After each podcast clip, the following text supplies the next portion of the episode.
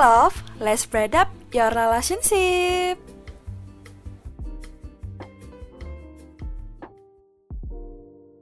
Hai Talk Lovers, yes, hari minggu malam kalian diteman lagi nih bersama aku, Stella Dia Wijaya di podcast Talk Love, Let's Spread Up Your Relationship.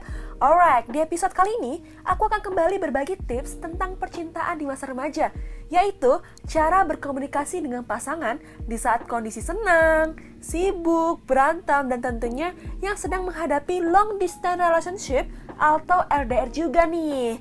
Dalam membahas ini, tentunya aku nggak sendirian, karena ada lagi nih tamu spesial yang tentunya Talk Lovers harus tahu nih karena beliau merupakan konten kreator di TikTok yang suka berbagi tips relationship, communication, dan lainnya yang sering muncul di For Your Page aku. Langsung aja kita sambut Kak Nia. Halo Talk Lovers, apa kabar? Semua pada baik, semoga pada baik-baik aja ya. Alright, thank you Kak sudah hadir menjadi special guest star di podcast Talk Love. Nah Kak Nia, jadi kemarin sempat ada yang request di Instagram aku untuk bahas tentang topik cara berkomunikasi dengan pasangan di saat situasi yang berbeda. Aku awali pertanyaan terlebih dahulu ya tentang cara berkomunikasi dengan pasangan di saat sibuk yang mana ketika dua belah pihak yang sudah menjalin hubungan tetapi kesibukan malah menghalangi mereka nih sehingga mengurangi komunikasi di antara mereka dan bisa berpotensi parahnya nih hilangnya rasa perhatian dan kasih sayang antar satu sama lain. Gimana tuh kak caranya? Bener banget sih. Kadang sibuk tuh bikin kita ya udah fokus sama kegiatan masing-masing dan pikirnya cuman kayak ya udahlah nanti lah nantilah kabarin cowok gue nantilah kabarin cewek gue.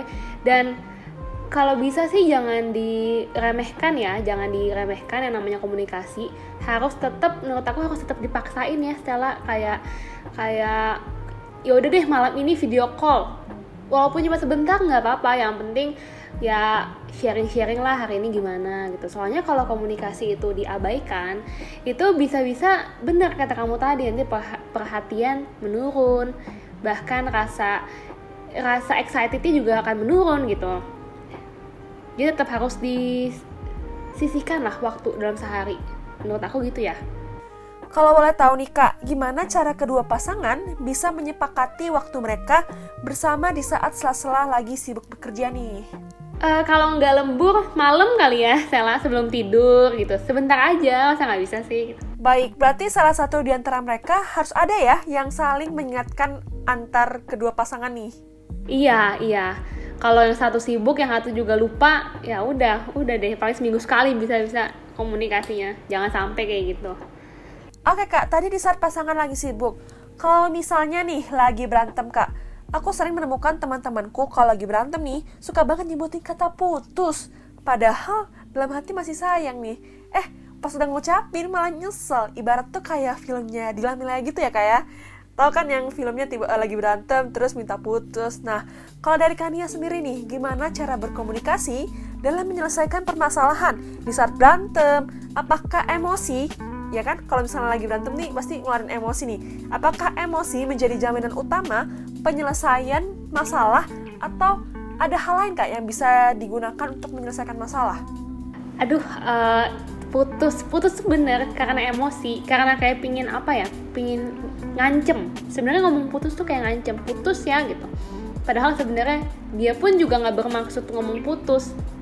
Itu menurut aku harus dihindari sih. Cara hindarinya gimana kalau bisa diem ya diem aja. Jadi kadang untuk meredakan emosi tuh kita butuh istirahat sejenak ambil jeda sebentar. Jangan kita pingin ngomong nih pingin bales. Pas pacar kita udah ngomel-ngomel kita langsung pingin kayak ngomong enak aja nggak kayak gitu kok. Udah diem dulu karena pacar kita lagi emosi pasti kita kalau kalau tanggapi juga dalam keadaan emosi di mana pasti nggak baik mending diem dulu aja tahan emosi sendiri nggak apa-apa tunggu satu jam dua jam. Udah baru ngomongin lagi. Ngomongin lagi juga jangan jangan nyalah nyalahin tapi lebih kayak kalau kamu kayak gini kayak tadi tuh aku ngerasa jadi kurang dihargai atau gimana gitu. Jadi lebih me mencurahkan isi hati dan perasaan kamu saat digituin gitu. Bukan bukan malahan kayak nyalah nyalahin kamu tuh orang selalu kayak gini ya nggak pernah kayak gini nggak pernah kayak gini. Jangan kamu kamu kamu. Tapi lebih ke aku tuh ngerasanya jadi kayak gini loh kalau kamu kayak gitu. Gitu loh. Jadi komunikasi tuh jangan jangan terbawa emosi. Talk lovers harus harus dalam keadaan tenang. Kayak gitu sih Stella. Baik, berarti kuncinya adalah menggunakan kata aku saat mengutarakan perasaan yang sedang dihadapi oleh diri sendiri ya, dan tentunya juga tidak menyalahkan satu sama lain. Tapi nih kak, terkadang emosi ini kan sulit dikontrol ya. Kalau ketika lagi berantem. Apakah emosi bisa dilibatkan saat sedang berantem dengan pacar? Ya pasti bisa lah. Nah juga manusia, maksudnya mau kita sesayang apa pun sama orang tua aja sering sering ngomel kan. Jadi yang emosi bisa karena kita lagi capek, bisa karena tiap udah sering keseringan hal ini ribut lagi ribut lagi terus terjadi lagi hari ini udah kayak full banget limitnya limit kesabarannya udah mau habis gitu kadang-kadang ya it happens kalau menyelesaikan masalah melibatkan emosi, apakah bisa dikategorikan sebagai toxic relationship, Kak? Toxic relationship agak luas ya cangkupannya dan mungkin bisa jadi salah satunya setiap lagi berantem emosi terus ya bisa juga cuman kalau toxic relationship yang ada dalam pikiran aku sih lebih kayak kita kalau deket-deket dia jadi merasa gak nyaman dia nggak pernah support kita kita lagi melakukan hal yang kita suka tapi kok dia kayak malahan bikin kita down ya? Malahan dia bikin kita insecure ya? Kayak gitu sih. Cuman kalau ditanya apakah em emosi dalam menyelesaikan masalah bisa disebut toxic relationship? Hmm, ya mungkin bisa bisa aja. Oh, dan terakhir kak, aku yakin talk lover sana pasti sebagian sedang menjalani hubungan long distance relationship ya atau LDR karena ya di masa pandemi juga ya jadi harus jaga jarak harus uh, mereka juga nggak boleh bertemu terlalu sering gitu ya Nah, kalau dari Kania nih, gimana nih cara mempertahankan komunikasi yang tentunya sulit banget nih dalam mengutarakan perhatian, apalagi yang kalau pasangannya punya love language seperti sentuhan, atau mungkin kontak fisik gitu. Gimana tuh kak menurut kakak? Aku jujur paling paling apa ya paling pesimis sama yang namanya long distance relationship. Apalagi beda negara beda jam gitu. Karena benar kata kamu komunikasi itu komunikasi kalau udah berkurang itu bisa menurunkan apa ya rasa ikatan kita gitu. Dan ya udah mungkin untuk meminimalisir itu bisa dilakukan dengan cara paksain komunikasi tiap hari. Gitu sih kayak sekedar informasi aja aku lagi di sini nih aku lagi di sini nih. Yang mungkin menurut kita nggak penting tapi sebenarnya impactnya besar gitu. Jadi tetap sih komunikasi jangan diabaikan aja. Kadang tuh masalahnya karena ada masalah tapi kita udahlah besok aja deh besok aja deh. Udahlah masih ngeganjel tapi nggak diselesaikan dalam waktu dekat gitu. Itu kadang yang bikin menumpuk menumpuk ngeganjel akhirnya bisa meledak di satu saat jadi apa-apa jangan sampai bikin kita bikin hati kita ngeganjel ngomongin aja gitu langsung biar cepet beres gitu sih kan ya Tadi aku sempat penasaran dengan kata-kata Kania yang mengatakan bahwa LDR itu berujung pesimis. Maksudnya pesimis untuk lanjut atau pesimis yang bagaimana nih kak? Aku pribadi sih agak susah ya LDR. Kayak dan pertama gak asik. Kedua komunikasi itu penting dan aku aku jujur bukan tipe orang yang suka chattingan tiap saat. Jadi aku lebih suka ketemu ketemu gitu teleponan kalau lagi kerja gitu aku nggak bisa nggak bisa suka ngabarin karena aku fokusnya tuh di kerjaan doang gitu jadi kalau LDR terus disuruh ngabarin tiap saat kayak kayak agak berat gitu buat aku style gitu sih kalau Kania sendiri apakah pernah ngalamin LDR kah? Punya, tapi sebentar. Jakarta Bandung loh. Dulu sama pacar aku yang sekarang, tapi ya. Jadi aku sama pacar aku udah tiga tahun, cuman sempet LDR 6 bulan lah, paling 6 bulan satu tahun dan ya aku kayak nggak bisa banyak berantemnya. Padahal sebenarnya pas udah nggak LDR akhirnya pacar aku kerja di Jakarta gitu. Ya asik banget gitu. Terus aku baru sadar kayaknya gue nggak bisa LDR deh. Susah banget itu buat gue. Itu sih kalau di Kania lebih berantem ke arah yang gak ngabarin atau yang hal cemburu nih? Terjadi. Misalnya aku pergi sama siapa aku lupa ngabarin lo kok nggak bilang? Tadi bukannya bilangin lagi di sini? Oh iya tadi bilangnya tadi lupa. Tadi habis dari sini langsung ke sini terus ke sini. Gitu. Jadi makanya aku bilang kalau lagi LDR tuh kalau bisa dipaksain lah kabar kabar kabari gitu. Lagi di mana kasih info at least. Kalau nggak banyak terjadi kesalahpahaman gitu Stel Alright, seru banget nih dengerin tips dan cerita dari Kania. Boleh kali Kak share pesan ke teman-teman lovers yang sedang menjalani hubungan di situasi sedang sibuk, berantem, dan LDR juga nih. Gak apa-apa, LDR dicoba aja dulu. Tapi kalau emang sampai nanti nggak berhasil, nggak usah berkecil hati juga karena itu emang berat gitu.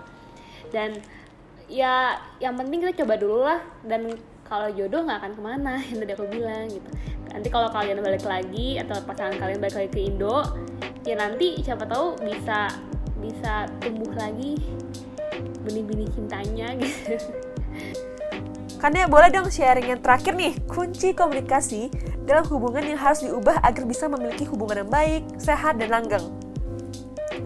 Pertama, paling penting menurut aku cara penyampaian. Cara penyampaian tuh penting loh. Kadang kita maksudnya baik, cuman kayak kayak jadi nggak suportif, kayak jadi menyerang. Padahal sebenarnya maksudnya baik cuma cara penyampaiannya kadang salah gitu. Terus yang kedua jangan jangan remehin kata-kata terima kasih dan maaf. Itu mungkin kalau kita udah setiap hari ketemu itu jadi hal yang apa ya dikesampingkan lah. Misalnya dia eh tolong ambilin barang dong.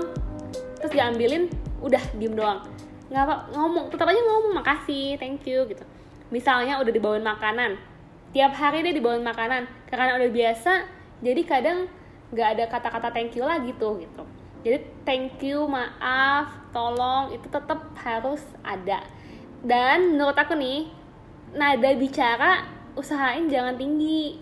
Karena itu bisa bikin orang kesel. Emang mungkin sih secara nggak sadar kita ngomongnya agak nggak enak gitu didengar agak tinggi nadanya.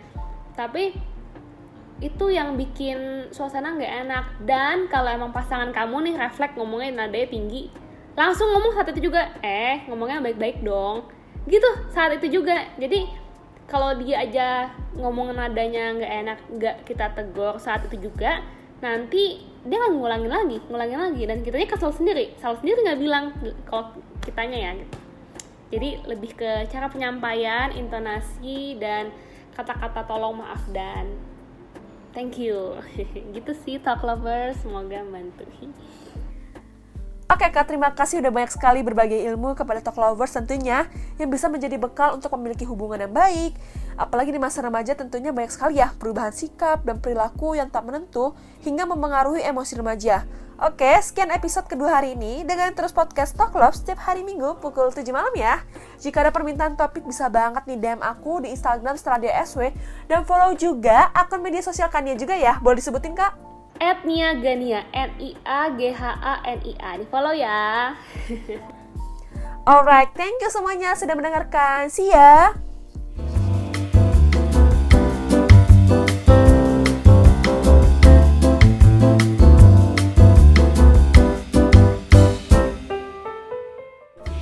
love, let's spread up your relationship.